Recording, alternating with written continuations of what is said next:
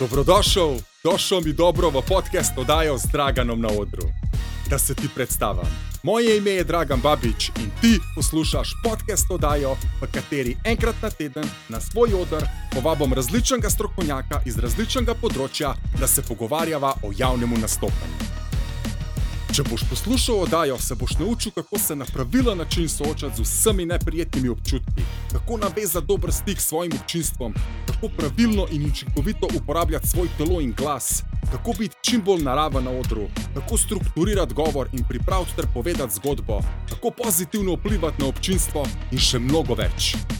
Od mojih gostov boš dobil njihove zgodbe o uspehu in neuspehu, kakšne napake so naredili na poti, iz katerih se lahko ti nekaj naučiš. Jaz verjamem, da si ti že govorc. Sam mogoče si na poti svojega lajfa na to pozabil, a pa mogoče ne veš, kako razviti ta potencial. In zato sem jaz tukaj s to oddajo, da ti to tudi pokažem, kako to narediš. Če te vse to zanima, če bi rad izboljšal veščine javnega nastopanja, potem je ta oddaja definitivno za te. Sledi mi na Facebooku, Instagramu in YouTubu pod nazivom Zdraganom na odru. In jaz ti garantiram, da boš po vsaki epizodi vedno boljši, bolj samozavesten, bolj prepričljiv in bolj strasten govorc. Mi ne verjameš? Posluš, pa se sam prepriči. Ampak pazi, javno nastopanje ti lahko rata všeč. Potem mi ne vletava, da je dragan, a sem lahko s tabo na odru, v tej oddaji, mogoče. Sam najprej posluš.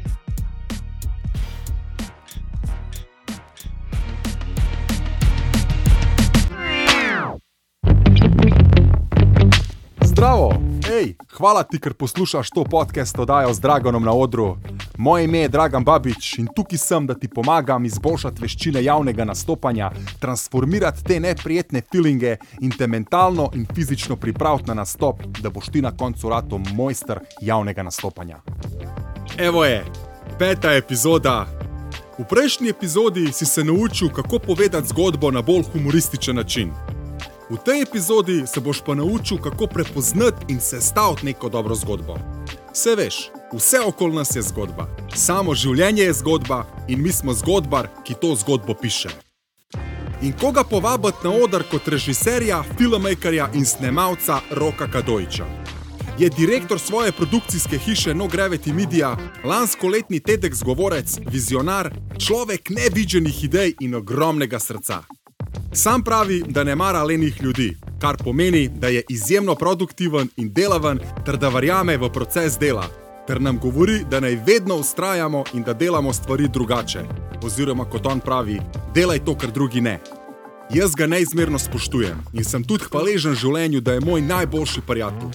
Jaz mu pravim slovenski Steven Spielberg, ker je res človek, ki ima izjemno domišljijo in vse te stvari naredi na en svojstven, kreativen in drugačen način.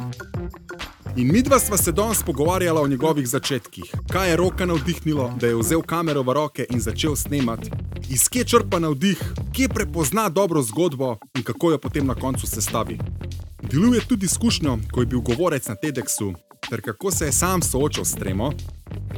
Kot kameraman je opazil, kako ljudje spremenijo obraz, ko se kamera vklopi in nam poda na svet dva, kako lahko to odpravimo. Naredil je pa tudi nekaj, kar nikomur v Sloveniji do tistega trenutka še ni uspelo. Kaj to je, zveš v nadaljevanju. A ja, pa proti koncu rok deli še svojih pet korakov, kako se staviti dobro zgodbo kot filmmaker, da jo boš lahko potem ti serviral na svojem nastopu. Zdaj se pa sprosti in uživaj v pogovoru. Noca, rok, dobrodošel v Ja. podkastu Daji, z Draganom na odru. Ej, hvala ti. A, Hvala, hvala ti, tebi, stari, hvala za povabilo. Ja, z veseljem. Lej, ni, ne bo prvič, niti ne bo zadnjič, odkar smo skupaj na odru. Res je to, stari, res je. Lej, se vram, poznava se že tako dolgo, da, lej, praši. Vse kar, vse, kar me zanima, bom še enkrat vprašal, zato ker poslušalci bi radi izvedeli in poslušalke bi radi izvedeli. Zdaj, evo, ker smo glih tukaj razlog, zakaj sem te sploh povabil sebi na virtualni oder, čist preprost, čist simpel. Kva te v lifeu najbolj pretegne? Kje, kje, kje gre največ fokusa, največ energije, največ. Uh, vse, gre, vse gre kaj in to gre v zgodbo. Ko nekdo pripoveduje ali pa, ali pa prikazuje zgodbo. Ja. In človeka zanimajo zgodbe in cel življenje je v bistvu ja. sam zgodba. In zdaj, koga drugega povabiti, pri tem, da, da nam pomaga, eh, kako se stavi dobro zgodbo, kako prepoznati dobro zgodbo, je tako filmmaker, nekoga, ki snema, ki ustvarja zgodbe. In iz tega razloga sem jaz tebe danes povabil.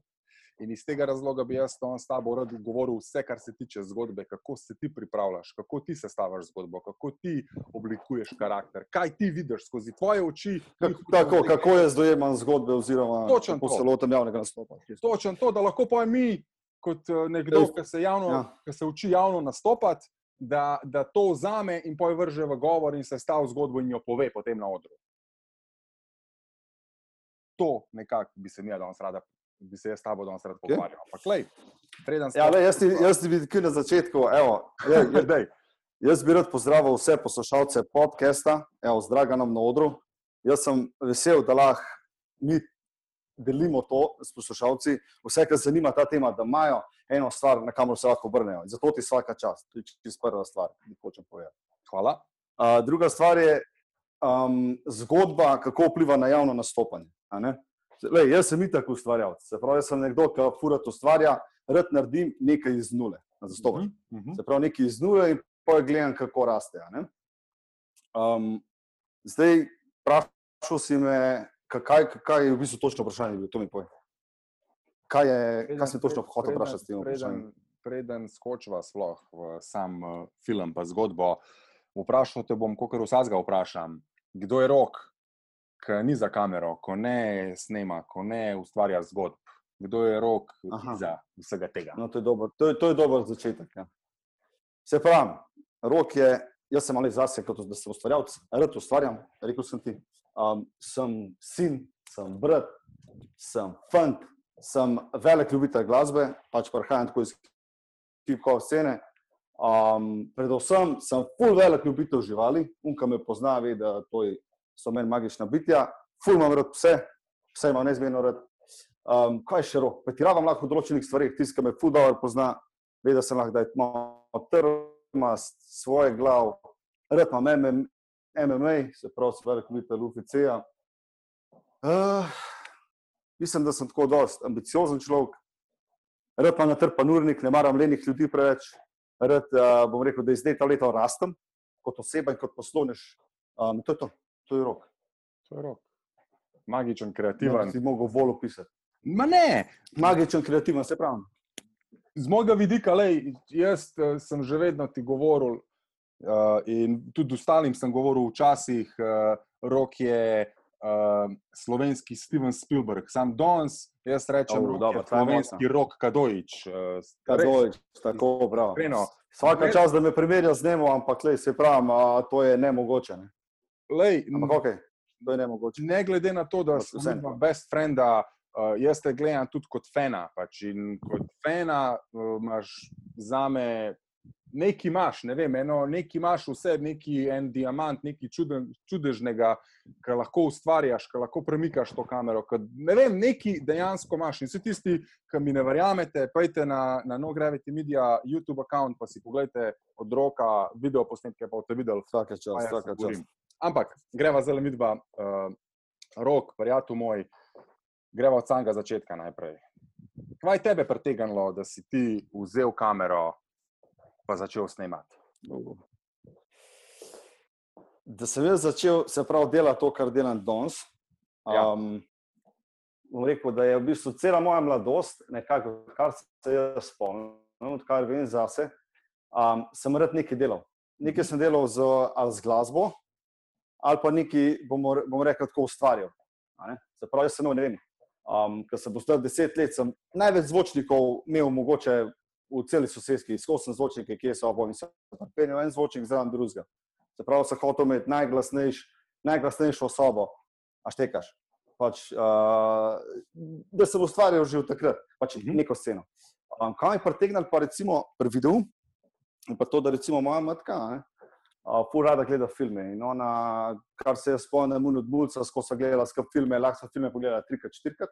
In je ona definitivno tudi, pač, rekel, en, um, pa ne krivc, ampak en podpornik temu, da sem jaz pojka nisem začel z ustvarjanjem.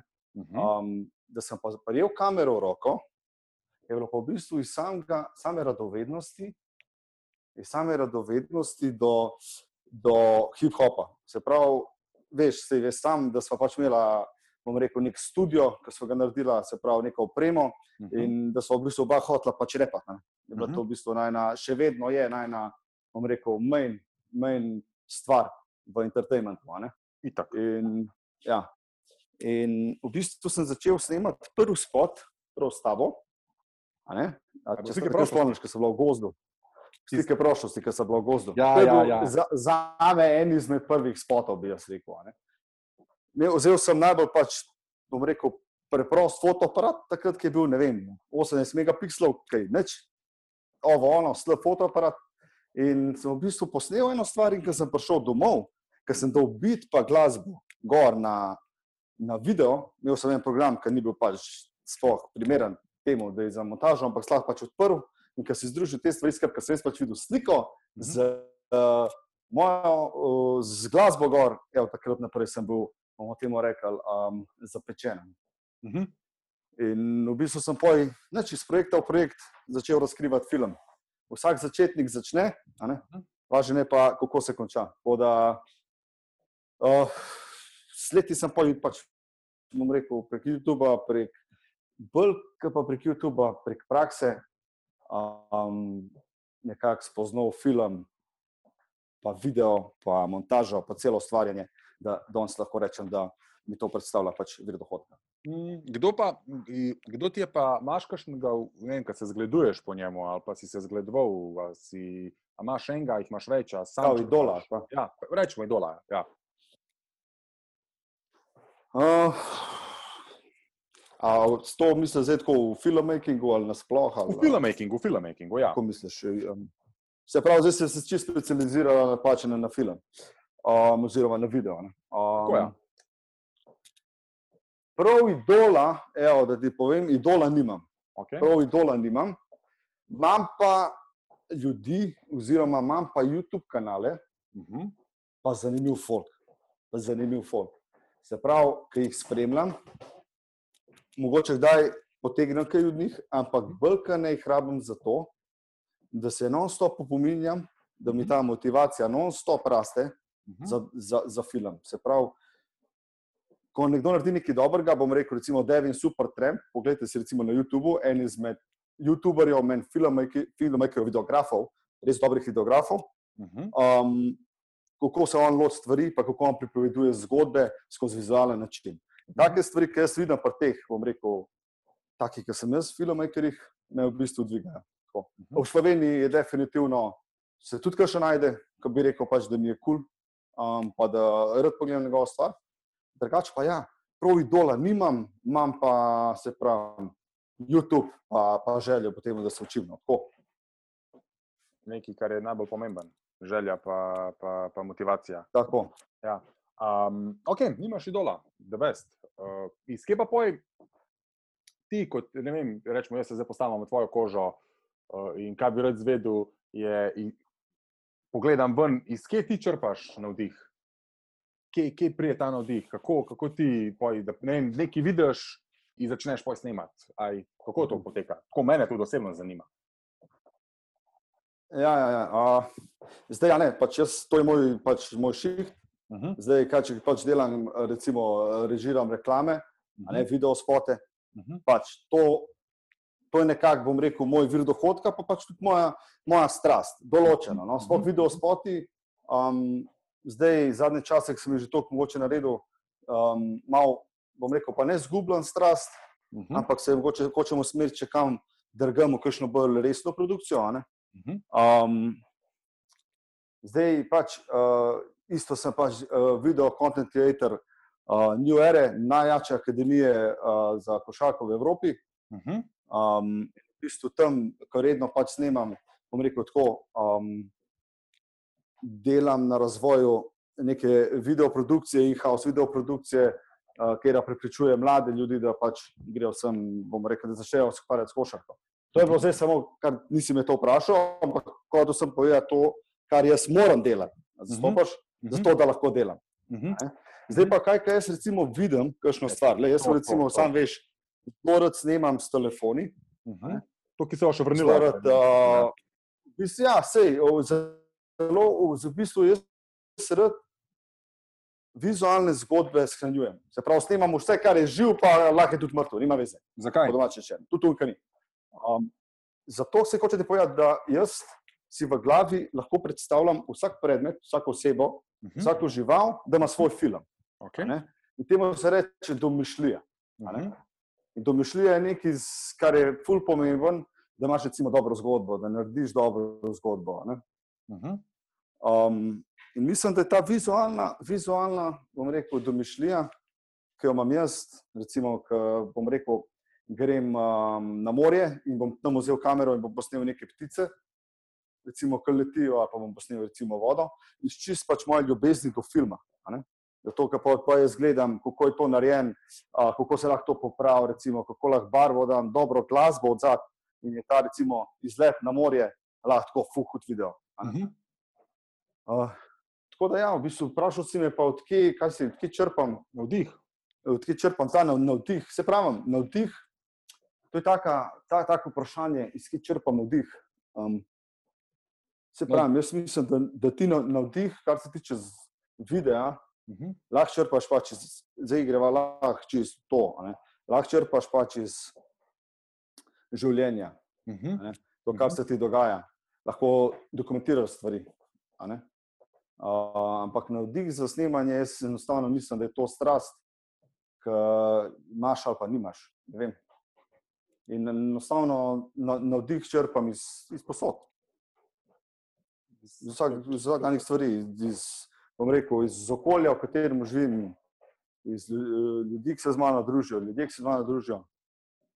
Um, tako, kaj pa največ domišljija. Kaj ti do, domišljija, da to. To ti pojš prevedeš, To pa utvaraš.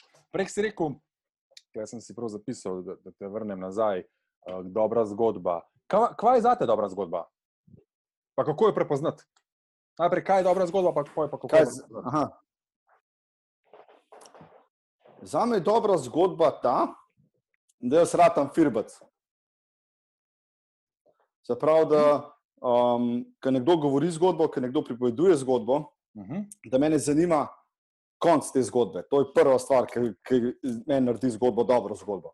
ne. Mhm. Um, druga stvar, mislim, zdaj ti ne bom korake štev, ker smo okay. To bo pa na Um, koncu, ja, to bo ja, na, povem na koncu. zdaj to bom- to- Ja, tako Ja, to bo zbrisal zdaj ven. Zbrisati. zdaj Ne, ker prav nam zbrisal. ne. To, kar si me začel, ne, kar si me začel zdaj tako sprašovati. ne. Uh, Jaz sem prav začel po teh korakih. Se pravi, dobra zgodba. Ja. A, Da se vrnem nazaj k dobri zgodbi. Dobrodošli. dobrodošli. Um, dobro zgodbo naredi, se pravi, ta firbec, naredi um, dobro zgodbo, da poslušalec, eh, tako sem rekel, da ga, da ga zanima, kaj je konc, mhm. pa da je čim bolj obarvana, ne? Da ima dober zaplet, da ima dober začetek, da je drugačna, da je edinstvena, da je, um, bom rekel, da se jo čuti. Dobro zgodbo se čuti, sploh takrat, ko prihaja iz realnega življenja. Mhm. Tako da najboljše zgodbe piše življenje. Kako pa prepoznaš? Kako, kako prepoznam zgodbo? To se moraš pa naučiti, imeti, to, da imaš ukopa všesa za zgodbo. ne. Mhm. A Veš, zdaj to ti vprašaš, kako prepoznaš dobro zgodbo. Mhm.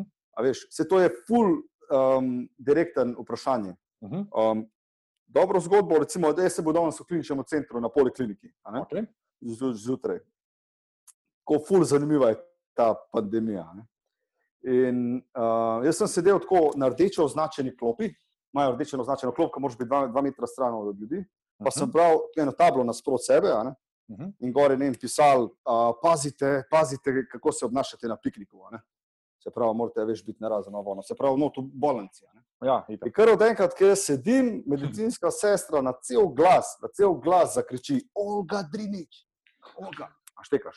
Ja. Jaz v tem trenutku tako začnem razmišljati o tej Olgi, veš, kdo je Olga? ne. Ko ona, ko je on, a veš, Mhm. kdo je ona. In vidim tako eno, eno ne vem, gospo 50 let, vstane in gre, full hiter, full Ja. hiter me mene, pač ja pred unimi vrati.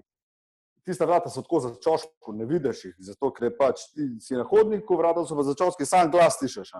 Ja. Sam glas slišiš, ko se en zadere. Kdo je na vrsta. In uh, jaz sem začel razmišljati o tej Olgi. Se pravi, Olga je um, prišla pred bolnišnico, Mhm. bila je full velika vrsta. Mhm. Ko je prišla po stopnicah poliklinike dol, so izmerili temperaturo z tisto pištolco, veš, ko imajo te Kitajci, veš, Ja, ti prav zmer s pištolco. Mhm. Fak, isto me, isto so me izmerili, a ne? Res, Okej. ja. In ti zmer to s, s pištolco, temperaturo. Um, jaz sem jo videl, kako ona komaj diha za masko, razmišljal sem, kako komaj diha za masko. Prišla je gospa, usedla se je tam dol, usedla se je pod eno uro, ki je bila taka rdeča ura, gore je bilo ne vem, 15 če 7 zjutraj. A Mhm. ne. Ko je ona prišla ven iz te ordinacije, sem jaz videl, da ona ful težko hodi. Pa takrat sem opazil, da ima ful lep pleten šal. Ko da se vidi, da je ona pač tako urejena bila scena. ne. Mhm. To so vse karakteristike in podrobnosti, kar rabe dobro zgodbo. A me zastopaš? Mhm. Da ti, ko prepoznaš zgodbo, lahko prepoznaš zgodbo v kjerkoli stvari. Samo moraš vedeti njeno preteklost, Mhm. pa moraš vedeti sedanjost, pa moraš vedeti del prihodnosti. Ne rabiš vedno nujno imeti prihodnosti.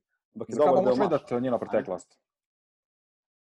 Njeno preteklost moraš vedeti zaradi tega, ker da ti narediš dobro zgodbo, rabiš vedeti v osebi, ki igra v tej zgodbi, čim več stvari, zato da je lahko to ful bolj pristno izpade. Zato, ker če bom jaz Olgo, Olgi rekel, da je ne iz Kopra, pa da ima njen mož ful denarja, Okay. pa da je srečno poročena, ima tri pse, novo ni, hud ja. avto, vse. Se bom jaz malo drugače predstavljal, ko bo šla ona ven in bo zgodba lahko imela drug, drug, drug, drugo noto, drug namen, če bo ta Olga, recimo ena starka, ki nima nobenega, ki je brez vsega. Um, tukaj je zdaj prišla na to polikliniko, ščitam, ima ful velike pro- probleme um, in piše zgodbo njenega življenja, ki je napisala res dobro knjigo, recimo. Mhm. Štekaš. Okay, In štekam, ja. in ti pač oseba oziroma zgodba čisto drugačno zveni, čeprav je lahko v isti vizualni podobi. Zato Mhm. rabiš vedeti čim več o svoji osebi oziroma o tem, kar govoriš. Tem se reče raziskava. Okay, štekam. a, bi, a bi lahko čistko zdaj, čist iz glave sestavil iz te zgodbe, iz, tega, iz te situacije eno zgodbo, ki si omenil Olgo, pa Pištolco, pa kaj bi ti, kako bi ti prikazal to ne, kot eno reklamo za, ne vem, greva se neki spomniti. eh, Jaz se, ja, se pravim, da sem, se, to sem ti rekel. Jaz sem Olgo, pač sprašoval sem se o Olgi, oziroma takoj, ko sem tam sedel, ko se recimo dobim tako. Pa to se res dogaja, ne, to se res dogaja. Pač jaz se skozi opazujem ljudi, dosta. mhm. Ne vedno, nekaj pa sem izmišljala. Um, ja, valjda. Um, eno situacijo z Olgo, se pravi, dobro je, da ima začetek, kot sem rekla, recimo, da, je, da gremo bolj na to sad story, ne? Mhm, mhm. da je recimo Olga nekdo, ki, je, um, ki ima res težave in res probleme. Mhm. In kaj zdaj hočeš od mene, da ti kaj, kadar povem balans, ali ne vem, kaj točno hočeš. Eno zgodbo, ki bi jo ti sestavil. točno vprašanje? kako bi, kako bi ti prikazal, da bi jo v neko reklamo ali pa nekaj. Ne vem, da zdaj bi ti jaz poklical, pa bi rekel, jaz sem tvoj ponudnik, da mi imaš to Olgo, imaš to si da, jo dam, da jo damo reklamo za lekadol. Za lekadol. Zdaj, Okay. Ja, ja, reklama za lekadol, stari, to je to, stari. Reklama za lekadol, zmerijo vročino tam dol, zapiska rdečo, tem, tem pridejo bolničari, naložijo jo gor, odnesejo ordinacijo, rečejo, vse je samo vročina in to je to, lekadol. A? Recimo, lahko ne, Lahko. lahko Ja. marsikaj. Prej si jih omenil, da gledaš, gledaš ful opazuješ ljudi. Um, To je zelo pomembna stvar ja, pri um, ustvarjalcih, nasploh pri pri ustvarjanju. Zakaj Zakaj? Zakaj? Zato, sploh ker, zato, ker ljudje, rad imam ljudi nasploh, ampak jih jaz jih opazujem pač zaradi tega, da skozi treniram to intuicijo. Veš, skozi treniram to, to intuicijo, kako pa ne se staviti samo zgodbo, ampak vizualno. Veš, pač pri meni je pomemben. Jaz vidim slike, veš, pač tudi tako, ker se mi da pogovarjava, zdaj jaz vidim sliko. ne. Še eni si tako, si ti to sam veš. To si Ja, ti bolj povedal, kaj jaz. itak, A ja. zastopaš.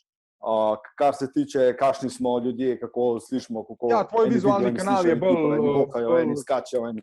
Ja. Tako ja. ja, tako. Moj vizualni kanal je bolj napetardiran s to sceno. ne. točen to. A veš, um, točen to. Bolj napetardiran s to sceno. To je to. Uh, Škoda sem se glik spomnil, Mm. ko si omenil folk, ljudi, da rad gledaš ljudi. Enkrat si mi povedal za eno vajo, da mi jo še enkrat uh, sam brief naredi, spomni me, Um, a si sedel ja, avtu, sem... a se spomniš te ene vaje? Ja, ja, ja, ja, to je pač v bistvu uh, to je vaja. Aha. Jaz vodim tudi eh, delavnice za odrasle, kako mhm. postati uh -huh. kreativno, aktiven filmmaker oziroma uh -huh. ustvarjalec osebin. Uh -huh. In mhm. ena vaja, ki sem se jo jaz spomnil, uh mhm. -huh. je semafor. Uh -huh. Se predstavljaj si semafor in um, to je ta pač intuicija, se pravi intuicija ustvarjalca, bo nek intuicija. Um, na semaforju opazuj ljudi, zdaj ali si peš, ali si s kolesom, ali si z avtomobilom, nima veze. Opazuj ljudi, ki grejo čez prehod za pesce. Takrat so ljudje, po mojem, najbolj tako, pa ne ranljivi, ampak doskrat zamišljeni ali pa imajo fur različne uh, mimike. Uh mhm. -huh. Čeprav se zdi, da sam hodijo. Sto uh -huh. oni, ki so na prehodu za pesce, še kar imaš ti, ali pa desno lahko to pride, ovo, ne, nisi čist blaga. Ne. In ko greš v bistvu čez cesto, greš čez cesto, pogledaj ljudi in probi se staviti zgodbo iz vsakega posameznika. Se pravi, če gre čez cesto, bom rekel, nek mladenič, nek fant z uh, kolesom, ima počeno gumo, ovo ono si predstavlja, kaj je predelo, kaj je to, um, kam gre, uh, kakšen, je, kakšen je njegov izraz na obrazu, recimo, kaj ta izraz tako pomeni. Pa še bolj, boljša stvar, ker komat, oziroma ker opisam, ker instrumentalno glasbo bi ti zraven tega tvojega posnetka dol, oziroma te, te, te tvoje zgodbe. Zato, ker glasba uh mhm. -huh. je full velik del in življenja, in videa, in vsega.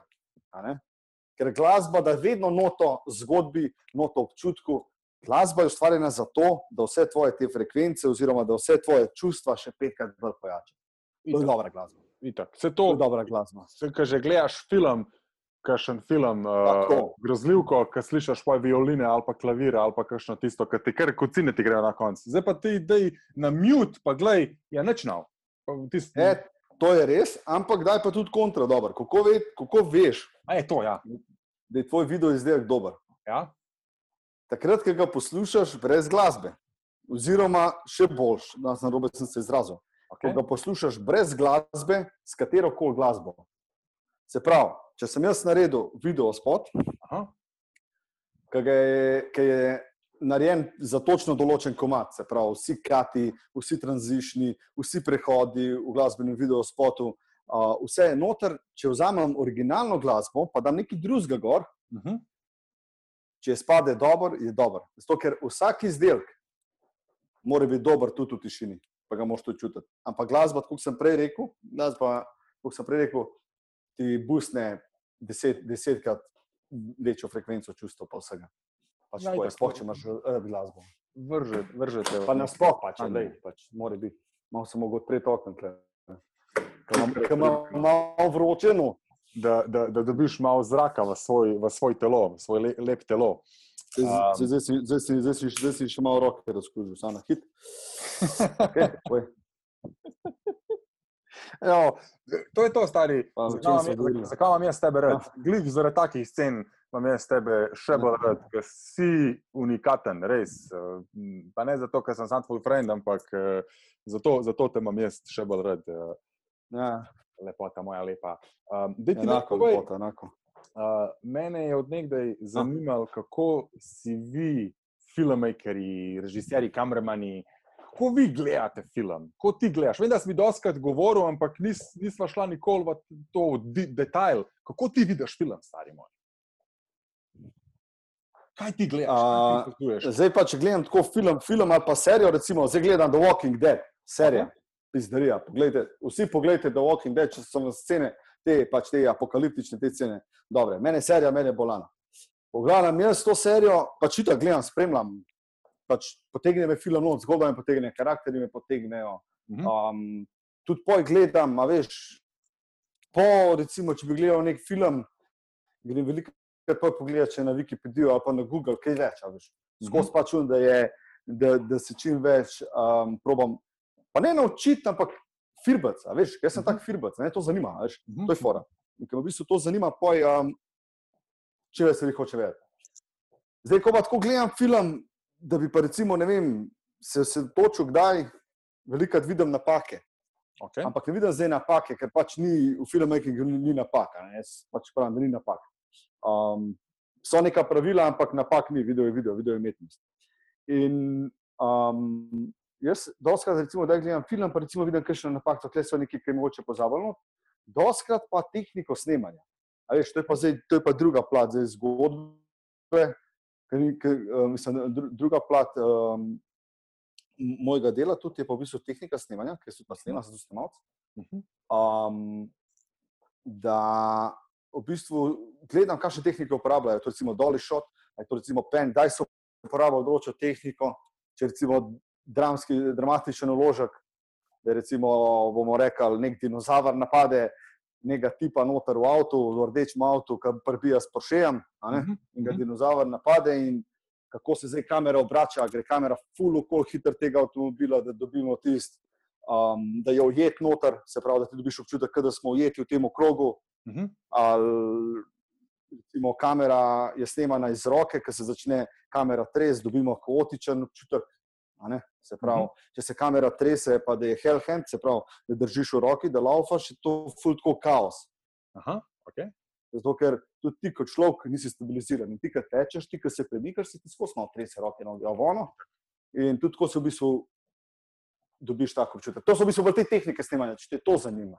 To, tako pač gledam jaz film. Zanima me, ja, ne, ne, mene zanima celota, kako ti vidiš. eh, Kot, ker ve- verjamem, definitivno ti gledaš čist drugačen film, kot ga gledam jaz. Eh, Zdaj, ko si mi ti to rečemo omenil, uh, No, pa nisem ni drugačen veš, se pač, se nisem jaz zdaj nek, bom rekel, nek tak junki ali pa ovo, ono, zdaj pa film videl, zdaj pa sam, kuj, ko sem en film pa žgal, zdaj točno hočem vedeti, kako. A Veš, ne, ampak kun doskrat padem v zgodbo, mm, veš, doskrat padem v zgodbo. Ne, sej lih to sem mislil, rečemo primer. Ja. Mene, mene zanima javno nastopanje, meni je to strast. In jaz definitivno opazim drugačne stvari, kar jih ti opaziš. In to sem hotel v bistvu. Jaz tudi opazim, ti opaziš drugačne stvari, kot mi, normalni ljudje, ki gledamo film. Tako, v tem smislu, kaj ti opaziš. ja, ja. Tako, Kaj, kaj ti vidiš kot, kot filmmaker?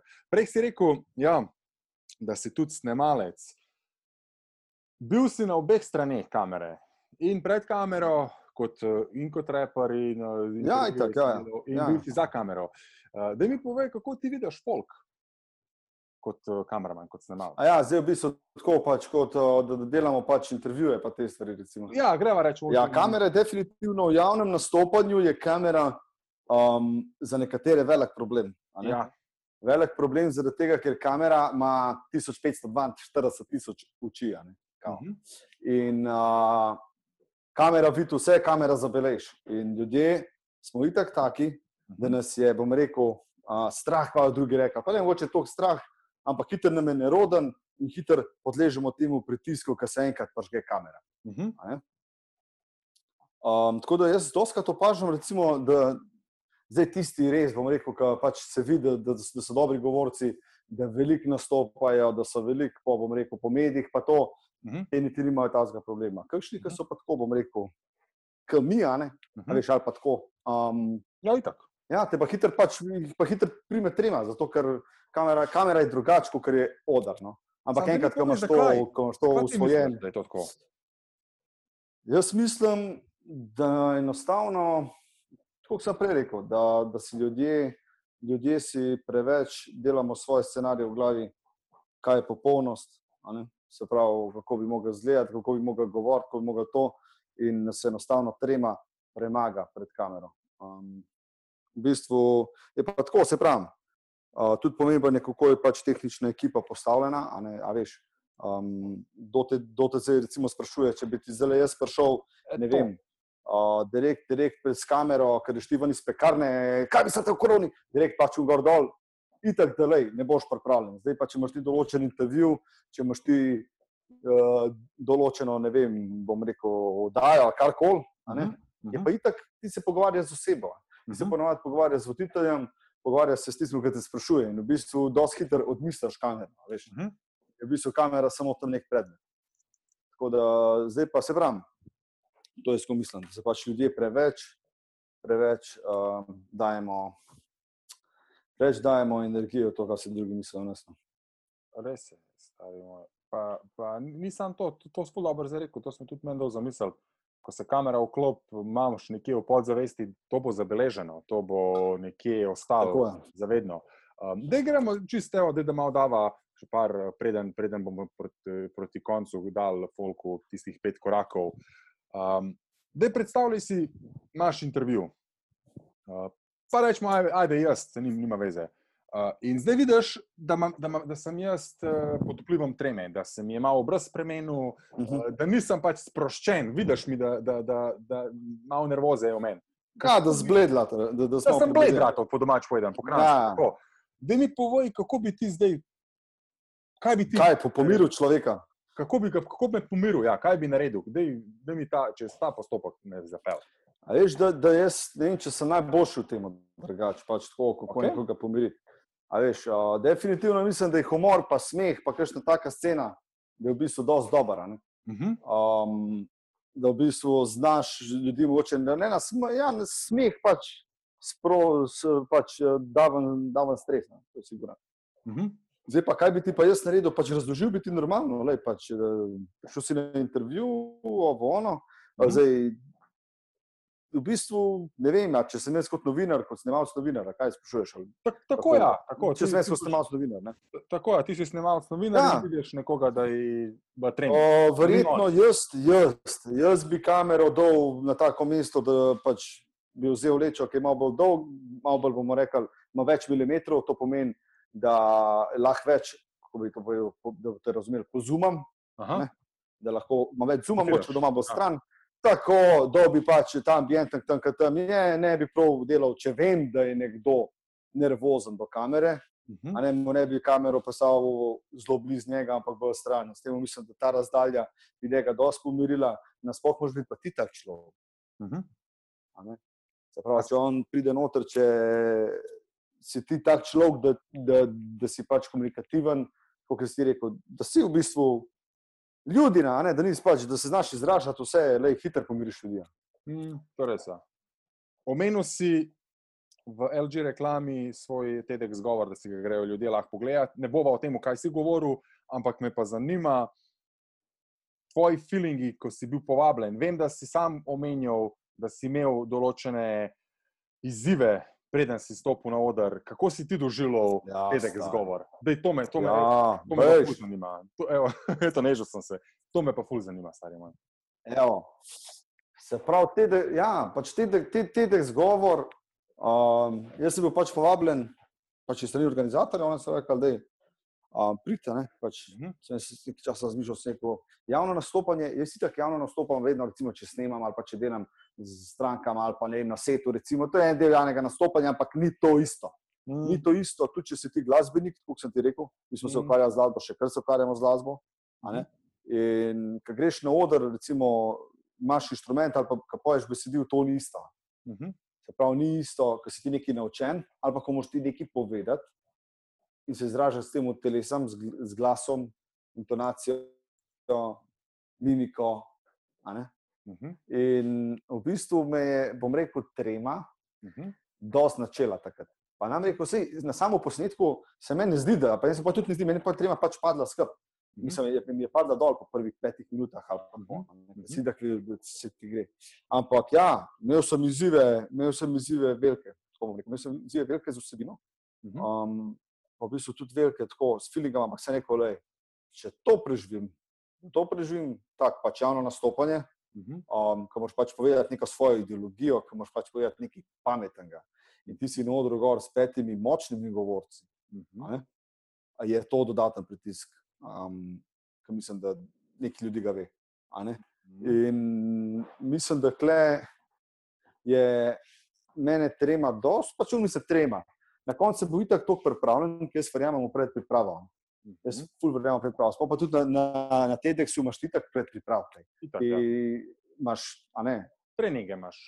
Ja, seveda, dva meseca, ne, recimo mm. treninge in se pač dobivaš in pileš idejo. Tudi pač ekipa, organizatori so meni pač veliko, bom rekel, ne pomagali pri vsebini, ampak me daj usmerjali, daj porezali, daj, um, bom rekel, to, kar itak človek rab. Prav človek rab zaupati okolici, mm -hmm um, nasploh za javno nastopanje, če se pripravljate, da greste nekaj povedati. Ne? Dajte to povedati prej nekomu, ali je ful dobro, da ti nekdo da realno oceno tega. Vse ne, pa že zdaj, kaj se ti zatikaš, ampak ne, realno oceno vsebine. Recimo. A Ne, ne, ne, da si v svoje glav, ne znam to zdaj sam. Doskrat je, ne vem, če, če si žena, pa ti možu povedati. ne. Pet možu povedati, začer mu reče, da zelo kratkim povedala, ne, če ti je zgor. Mhm, mhm. Recimo, a ne. um, za, za, za, za, za katero koli stvar. Tako da pred, ja, Tukaj bi te malo stavil, glih, kas, kas, glih, spomnil sem se tega, kar si to rekel, eh, da je nek en upovejte. Jaz se spomnim, ko sem jaz imel, ko, ko smo mi dva organizirala v knjižnici, moj prvi uh, seminar, se spomniš, Ja. ja. glas proti meni, Ja. ja. 2016. Uh, jaz se takrat spomnim, isto predpriprava. Jaz sem povedal, Gosti v govor, bu, ti si tam v busu. tam je bilo dobro. Ja, ti bila si bil ful dober tam. Ja. Um, hvala. Uh, jaz se spomnim, jaz sem se na ta dogodek pripravljal, stari moj, štiri mesece, sem si zapisoval, kaj bi jaz rad povedal. Pač Ja, si ti si delal. Tako je. In škalo meni, meni, meni je isto takrat naredil klik v smislu, fakt, stari moj, repat ali pa govoriti je čist drugo. a ne. Sej ti, ja, že nekaj javno nastopaš, ampak ti moraš v 45 minutah nekaj pametnega povedati, folk more, moraš držati folku pozornost, da, da še nekaj smešnega. Eh, Pa da na koncu da ima neko celoto, neko bistvo. Ne? In to sem se začel takrat zavedati, sem rekel, stari, jaz moram nekaj dostaviti. Ne? In, ko si glih to omenil, da je Ja, ja. folku, uh, povej nekomu. Jaz sem takrat povedal in uro. Ja, folk zdaj za poslušati, ampak Tako, dal sem po, po tudi takrat, sem Ja. ja. bil z bivšo, pa njeni frendici, pa še ti pa Tjaša, če se spomniš, pa Tina, mislim, da še celo bila, pri tebi v kuhinji smo ja, ja, ja, imeli govor, ja. preden sem jaz svoj šel na, na, na oder. Tako da, ja, vsi tisti, ki poslušate, vaj, daj, preden imate kakšen govor. Lej, vsi tisti, ki poslušate, se drugim, drugim, drugim ga pošljete, pa se pripravite. Pa kaj je tudi pomembno, da je za vsakega drugač. Zato, ker lej, lahko je to TEDx govor, Ja. lahko je to govor v knjižnici, lahko je to govor, a, bom rekel, nekje na odru ali na, na, na gledališču, a, da v bistvu se ti napovedoval, da nekdo prije govori. Ne, lahko je to na, na, v šoli, na valeti, na maturi, kjerkoli. Vsak govor, vsako javno nastopanje, vsako javno nastopanje rab pred pripravo. Rab pred pripravo, pa rab ne- nekoga, da ti to oceni. Ne rabiš jaz mena, ne rabiš nekoga, ki ti bo rekel, to je ful dobro, pa rabiš nekoga, ki bo rekel, le. Tu če klele lahko malo mal še spilaš, ali pa bolj glasno govora, ali pa tako. To so take stvari, ki jih recimo rabiš. Rabiš Um, um, neko druga človeka, stvar, iskren. mislim, ja, iskreno mnenje. ne. Um, iskreno mnenje. Pa pa v bistvu mislim, rabim, da rabiš biti pristan. Na odru ti rabiš biti pristan. Pač, sej, recimo, če si ti radijski napovedovalec, ali pa tako recimo, jaz sem recimo tudi delal, Mhm. hm? sam veš te um, Voiceover. TV oglase, speakerske Tako. TV oglase. Ja. In to je neka druga fora. Ne? Ti pa, recimo, če bereš, je, tudi, ampak, je, je v bistvu tudi javno nastopanje, ampak Mhm. imaš vedno neko distanco, ne, nek, neko varnost, pa če si ti dejansko nekje, ki te gledajo živi ljudje. Živi ljudje. In to je, to je number one fear, vse ti veš uh, v, pač na svetu, ampak mislim, da le nič ni hudega, na koncu vidiš, da ni nič hudega. Enkrat, ker pač greš, je to nič hudega, če se pripraviš. Tako da vate svoje govore, vate svoje govore čim več, pa kaj najbolj pomembno, bodite samo kritični do sebe, ko se stavljate govor. Enkrat, ko si, ne vem, bom rekel, tak govor zdališ lahko kamorkoli govoriti, da ti ni pač problem. Verjamem, da tudi tisti najboljši govorci imajo tudi um, predpripravo. Lahko samo v glavi ali pa par stavkov, preden gre na največji odr. Itak. In bolj, ko si nižji, oziroma nižji, bolj, ko ti ne gre, bolj, ko imaš treme, več se pripravlja. Zato, ker več se boš pripravljal, boljši boš. Ko boš pa prišel do neke stopnje, ko boš pa rekel, že recimo lahko govorimo nedogled, ne? Um, To je se boš pa pripravljal na Romih- poseben način. Je to. Romih, Romih je bil zadnjič, ko se se pogovarjala, je zelo dobro rekel. a ne, Od enega, mislim, da je bil politik, ko je bil, uh, um, kao, če rabite, da eno minuto govorim, se bom pripravljal en teden. Ne. Če rabite, da govorim eno uro, se bom pripravljal par ur. Če pa rabite, da govorim cel dan, pa lahko začnemo. Ja, ja, to je to. No? to, je ta, To je to. bistvu tako, ja. a veš, med, Predpriprava je zelo pomembna na javno nastopanje. No? na javno Predpriprava pa pristnost. Pa pristnost. Kakor- pristnost, da si to, kar si ti, da pokažeš svojo pač, človečnost. Točno to. Kolikor je tudi predpriprava pomembna v tvojem filmmakingu. Ti moraš se predpripraviti, preden sploh začneš snemati uh, zgodbo. In, Tako je. Mislim, nasploh, preden projekt začne delati, itak pač ta predpriprava. Um, do, pač do, do samega scenarija, zamisli, do organizacije, do lokacij, do vsega. Ampak se pravi, to je v bistvu vse, bom rekel, to so vse tehnike, oziroma to, vse, to so vse izkušnje, pa del. Res. Um, uh, preden skočimo na, na, na moje. Jump, jump. Na jump. Glavno vprašanje, oziroma da, da, da poslušalec, poslušalka dobi te ne praktične nasvete, kako se staviti. To je glavno vprašanje. To je glavno vprašanje. Ja. Preden to, preden to, uh, bi te jaz tam še nekaj vprašal, kar sem na te zelo ponosen. Uh, res, ko si mi to povedal, sem išle kocine po koncu, zdaj mi grejo kocine po koncu. Um, Snemo si z Onyxi. Ja, res je. Ja. Tisti, ki ne veste, kdo so Onyxi, pleska, ne hec. Napiši si v, v Google Onyx, pa boš videl, da to je ameriška hip-hop skupina, ki prihaja iz New Yorka. Uh, to so Godfatheri hip-hopa ameriškega. Uh, to so bili večini ljudi, ko se temu reče, vzorniki. Vzorniki, vzorniki. vzorniki, vzorniki in uh, snema obdobje Tupaka, pa Bigija, tiste, ki ne. Tako, stara era, boom, bap era, 90 do 2000 naprej. To je naša, rekel, naša era, je v bistvu to. Mi smo, mi smo ja, te, iz te ja. Uh, daj ti meni povej. Še kar rastemo, stari. Še kar ja, rastemo, vidim. Ja, povej. Uh, daj ti meni povej. Feeling tvoj, ko si to dobo, kako si se ti s tem soočil, kako si ti pristopil do njih, tvoj, ko si začel snemati. Ali je bilo kaj drugače, kot si, si snemal tukaj? Zdaj zgodbe cele ne bom povedal. To ne, ne rabaš. Ne. Um, ta ekskluziva bo prišla enkrat drugič. Super. Um, zdaj pa v bistvu, kaj, kaj, kakšne sem občutke, da sem delal pač z njimi. Tako je. Ja. Rekel, Uh, Neč, lej, uh, trdo delo, vsa ta leta pa se je poplačal, tako bom rekel. Um, to so pač neki sadovi, če delaš na sebi, uh, če verjameš vase, uh, če si pripričan v svojo vizijo, da pač ne, ne odstopaš, da si, bom rekel, um, pripravljen vsak, da se ti pa take stvari dogajajo. Um, zdaj pa, ko sem se jaz osebno počutil, pizda, uh, prosti izraz svojega. Ne, um, smo na odru z Dragonom. Ja, ja, ne, vse. Ja, uh, da imamo luč, malo, malo prej smo določili, da imamo luč, ja, samo tega, da ga korigiram. Uh, ja, v bistvu se pravi, bil sem ponosen sam na sebe, no, bil sem čistko, pač iskreno. Um, začel se je, ni še konc, začel smo, rad ustvarjam, hvaležen sem, da lahko delam z najboljšimi, bom rekel, pa ne najboljšimi, meni najboljšimi. Um, pa da lahko pač ustvarjam naprej. Da lahko ustvarjam naprej, da imam to željo, da imam te ambicije, da imam tako družino, ki jo imam, da imam take frende, da imam uh, punco tako dobro, kot me bo. Pač hvaležen sem enostavno. To je to. Ne, pač ne bi zdaj, da bi ta projekt zdaj, ne vem, um, da bi me, bom rekel, ful spremenil ali pa da bi mi dal kaj ful noga, ampak ful eno lepo izkušnjo, uh mhm. -huh. pač pa neko hvaležnost. To si nam vsem vedeti, da je vse mogoče da človek eh, iz Kranja. Recimo, to je vsaka čast, če to misliš. Ja, ja, eh, človek iz Kranja eh, je snema nekoga iz New Yorka, ki je po domač povedan zvezda hip-hopa, ki prihaja iz meke hip-hopa. In vsem nam, tudi frendom, vsaj jaz, vsaj meni, si dol eno inspiracijo, ne vidijo ti stari, vse možen, sam pač ustraji, zaupaj vase, pa, pa griz te svoje sanje. Kot ti vedno, ki praviš, soc, če ne narediš en dan, če ne pomisliš na svoje sanje, si izgubil dan. Ne?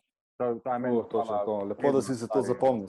No, ja, stari vedno. Je res lepo. Če vsak dan ne narediš nekaj, če vsak dan ne narediš nekaj, da dosežeš svoje sanje, si vrgel dan stran. To si zapomnite. Točen to. To so lahko malenkosti, to je lahko samo misel, začer, ker zaspiš, si že nekaj naredil, care. Ne rabiš um, pretiravati. Malenkosti, mali koraki pripeljejo do velikih ciljev, do velikih gor. In ko sem videl z malimi koraki, sem prišla do velikega vprašanja, glavnega vprašanja. Uh, upam, da si pripravljen. In to je. Ne. Ja, kao, ne. Okay. Hvala ti, da sprašuješ. Kako si dovolj pripravljen, da ne bi mogel biti bolj pripravljen? To, to, to. to se strinjam. Dej povej nam, vsem nam, A. meni in poslušalcu, poslušalki, pet korakov pri sestavi dobre zgodbe. Kaj je pomen? The first five steps begins with. Prepoznaj zgodbo. V glavnem, prepoznaj zgodbo, tako sem te rekel, number one. Mhm. Uh, tako sem prej govorila. Vaja semaforja, uh, se imeti oko in všeč za zgodbo. Prepoznaj dobro zgodbo, oziroma uporab svojo domišljijo. To je najbolj, pomembna stvar, ker domišljija, v bistvu, domišljija je nekaj, kar pogana svet. ne. Mhm. Vsi veliki izumi se začnejo z zgodbo. Mhm. Vsi veliki izumi. Mhm. Uh, predstavljaj si, da imamo avto na zrak, a štekaš.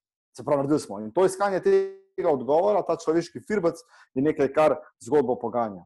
Mhm. Zato je dobro, da pač veš, kako, um, kako struktur- strukturirana zgodba gre, oziroma kako prepoznati dobro zgodbo. Evo, prepoznaj zgodbo. Okay. Uh, to je prvi ta korak. Um, drugi korak bi rekel, da zgodba dela vprašanja, oziroma zgodba ima vprašanja, ne samo odgovore. Mhm. Ko te pisal zgodbo za javno nastopanje, Mhm. kjer koli zgodbo, je dobro, da odgovorite na eno vprašanje, noter, a ne, ali pa da pustite vprašanje. To je, to je za me dobra zgodba, Mhm. Ki dober korak za vprašanja. zgodbo. Kako? Ki pušča vprašanja. Pusti vprašanje, recimo. Tako. Okay. Ki pušča vprašanje. ne. Um, se, ja, recimo, posla, um, kot sem prej rekel, tretji korak, ki iščeš dobre zgodbe, oziroma kako ustvariti dobro zgodbo, je, da vzameš zgodbe iz življenja. Se pravi, da opazuješ okolico, kot sem ti prej rekel, ali pa zgodbe življenja. Mogoče poznaš koga, ki ima kakšno zgodbo. Uh, zdaj govorim čisto iz filmmakinga, se pravi, Ja, ja, tako. umetnosti filma Mhm. ali pa karkoli. ne. Mhm. Um, če delate pa javno nastopanje, zgodbo um, o vem, marketingu, Mhm. pa bodite iskreni, pa mogoče vzamete tudi zgodbo iz realnega življenja, ker na koncu koncev tudi v marketingu lahko daš zgodbo iz realnega življenja, ki bo imela isto svoj pomen, pa Mhm. isto svojo učinkovitost na kupca ali pa na tistega. Bod kreativen, bod imej dobro domišljijo, uporab dobre finte, kako v bistvu um, metaforično, recimo v prodaji, kako zgodbo, neko zgodbo prenesene pomeni, pokazati. Zdaj sem malo zakompliciral. Pol Pa um, četrta, se Mhm. pravi zgodba, vprašaj se, kaj tebe navdihuje. Ne? Kaj ti da tiste kurčke, tisto strast. Se pravi, kaj tebe navdihuje? Kje je tista strast noter, ki je, imaš rad avtomobile, a imaš rad avon, karkoli. ne. Recimo, ne, če tebe vprašam, soc, kaj tebe na- navdihuje? Narava. Narava, recimo. Ne? Narava. Narava ti daje navdih. Tako, naredi ful dober, bravo, naredi ful dober video ali pa ful dobro zgodbo o slapu šum, recimo. Mhm. mm -hmm. ne bi slab šum v kran. a ne. Mhm. Slab šum, frka, frka slab, res dober, lep slab, pet izgled. Točno to. Sam poberite smeti za sabo. In, Se strinjam. ja, in uh, ko ti gledaš pač ta slab, je slab ima sto zgodb. lahko. To je zdaj, to se pravi, to ni neka romantika ali pa neka stvar. To je, to je del, to je, to je del um, kako sem rekel, kreativno aktivnega filmmakerja. Pa pa um, peta stvar, za kako narediti dobro zgodbo, oziroma kako doseči, da dobra zgodba doseže vem, poslušalce. Recimo, če imate javno nastopanje govor, Mhm. je samo kritičnost, pa vaja, to, kar sem pa prej rekla. Vaja govora, vaja samo, sam, moraš biti samo kritičen. Če hočeš, da je stvar dobra, moraš sam sebe reči, da za nič. Res je. Preden sploh stopiš. A si tudi ti samo, koliko si ti samo kritičen do sebe, ko snemaš, ko potem posnameš nekaj ali pa ko sestavljaš zgodbo? Nažalost, zmeraj manj um, pri določenih stvareh. Zmeraj manj pri določenih stvareh. Na začetku, ful, ko pa tako napreduješ, ko vidiš, pač, da je to ni dovolj dobro. A sem se pa naučil, kot je tudi uh, Ali rekel na mojem podkastu. Mhm. Je dobro rekel, ljudje, če imate karkoli doma, Mhm. ste se za to trudili, da to pokazati, da je to ven. Da je to ven, zato ker boste mogoče tudi lahko samo kritični. Važno je, koliko imate debelo kožo. Če vam bo en rekel, a, ta video pa ni neki dober, volite G, ne? nima Mhm. veze. A Veš, veš, kaj se ne da narobe in se popravi. Jaz sem pri samo kritičnosti, se pravim, vedno je lahko bolj, no? s tem sem jaz zadovoljen, s tem grem jaz lahko spat. Vedno je lahko bolj. Pa za- zapre meni nuč, drug uč, pa sam na, na boku. Je lahko bolj. Res je. Evo, da naredim samo še kratko hitro obnovo, preden bo prišla na našemu koncu, najmu koncu. In to je prvi korak, prepoznaj najprej dobro zgodbo, prepoznaj jo, uh, opazuj, uporab svojo domišljijo. Drugi korak je, pusti vprašanje ali vprašanja v zgodbi. Ne, da je samo odgovor, ampak da je tudi vprašanja. Tretji korak, vzem zgodbo iz svojega lajfa. Ker to bo najbolj pristna zgodba, Tako, zgodba tako. ki jo boš tudi najbolj povedal, tudi najbolj strastno, najbolj čustveno povedal in lahko boš tudi opisal celo okolje. Četrta je, vprašaj se, kaj te navdihuje, kaj dejansko tebe navdihuje. In tudi o tem govor, lahko tudi noter v zgodbi to vključiš. Aha, če te zanima kuhanje, povej, ne vem, učiš nekoga, ja, dej, nauči ga skozi kuhanje. Rabaš sestavine, rabaš to, rabaš tisto. In peta je pa poj bodi pa samo kritičen do sebe. Pa vaja. Pa vaja. Pa Vaja dela mojstra, trening pa leglende, Zlatan Čordič, dva čuka 19, status kulturnika. Pozdrav, Zlatko, tu črdi zlata, ni več zmatran. Uh, Roki, uh, jaz vsakega vprašam, ampak tebe ne bom, ne bom nekaj dru, dru, drugega vprašal. Uh, ne bom te vprašal, kaj bi bil tvoj. za- Ja, Mene, mene pa namazal. Tebe bom pa namazal, kot kar skozi. Tebe ne bom vprašal, kaj bi bil tvoj zadnji govor, ampak bi te vprašal, kaj bi bil tvoj zadnji film. Če bi vedel, da je to tvoj zadnji film, kaj, kaj bi bil? Draga me dol v kot, jaz pa sulico pod njemu. Ti me dol v kot, a to, bodeča neža. Zadnji moj film. Ah, Kaj bi nam sporočil tvoj zadnji film? Iskreno, tvoja domišljija. Zadnji moj film. hočem. Jaz se razmišljam. Ja, saj. Ne vem, ne razmišljati, kar povem. Zadnji moj film bi bil mogoče. Hm. Veš, to je tako vprašanje, gajsten, lep, zanimiv. Da, glede na to, koliko sem samo kritičen, ti ga težko odgovoril. Um, Zadnji moj film bi bil mogoče film v apokalipsi, stari. Vse je šlo, v- vse je šlo, vse je šlo, evo, pa sam ostal so določen. Pa ne zato, ker sem zdaj gledal ta The Walking Dead, ker me je to itak odpravil. Ampak nasploh ta svet apokalipse, se pravi, ko je konec sveta, se najde še vedno ljubezen in še vedno se najde na, tudi na koncu sveta, se najde prijateljstvo in vse. Tako da dobri ljudje so posodni. Eto, na to sceno. To je to nežil sem se. Prav predstavljam si, mi dva bi preživela in uh, ti bi me. Točno to. Ne?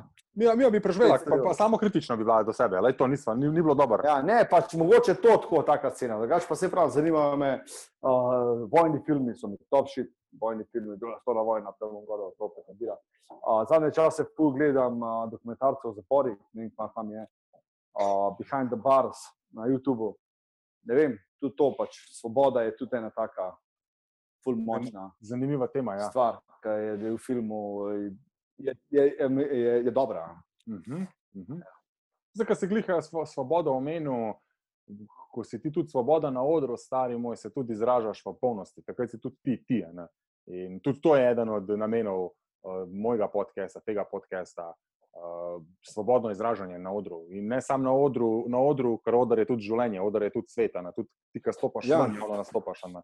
Tako da- Ja, da se pač, pravi, ne. jaz lej, zadnjo misel bi res rekel vsem, ki poslušate ta prečudovit podcast z Draganom na odru.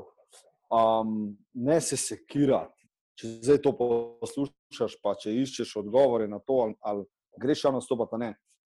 Ne se sploh sekirati, zato ker na konc koncu, vedno, kadarkoli boš um, nekaj naredil, je bolj, ker ne nič. Veš, in nič ni tako hudega na koncu na odru, da, da bi, to je samo tvoje glav. To je samo Res, ne, nič ni to hudega na odru, da ne bi mogel to spati. Ker je v bistvu simpel, kot paso. Res. Samo odmi, mislim, ne boš zdaj v to, ampak ja, to je to. Jaz, jaz, jaz sem s tem zadovoljen. Life je in Če na kalimbico zagram. To. To je to. Rok, kje te najdejo? Ja. Ljudje, ki hočejo več vedeti o Uh, tebi. najte me na www.farmacija. Ja. Um, najte me na Instagramu, ROK, pa pa una črtica spod, KADOIC. In tam me najdete, najdete me na YouTubu, uh, Roka Dolič, YouTube kanal, najdete me posod, če boste me iskali. Sam napišu Roka Dolič, Google pa najdel. Spletna stran, da je še od nograveti. Spletno stran, uh, v vnogretimedija.com, pač nekaj pa v te delali gor, klitak, jaz nisem več gor, hotel ne hoditi. Najdete me pa vsak petek isto v urbani frekvenci podcastu, To. ki gre vsak petek ob, de, ob sedmih v živo. Uh -huh. Tam gostim glasbenike, ekstremne športnike, umetnike, fotografe in tako naprej.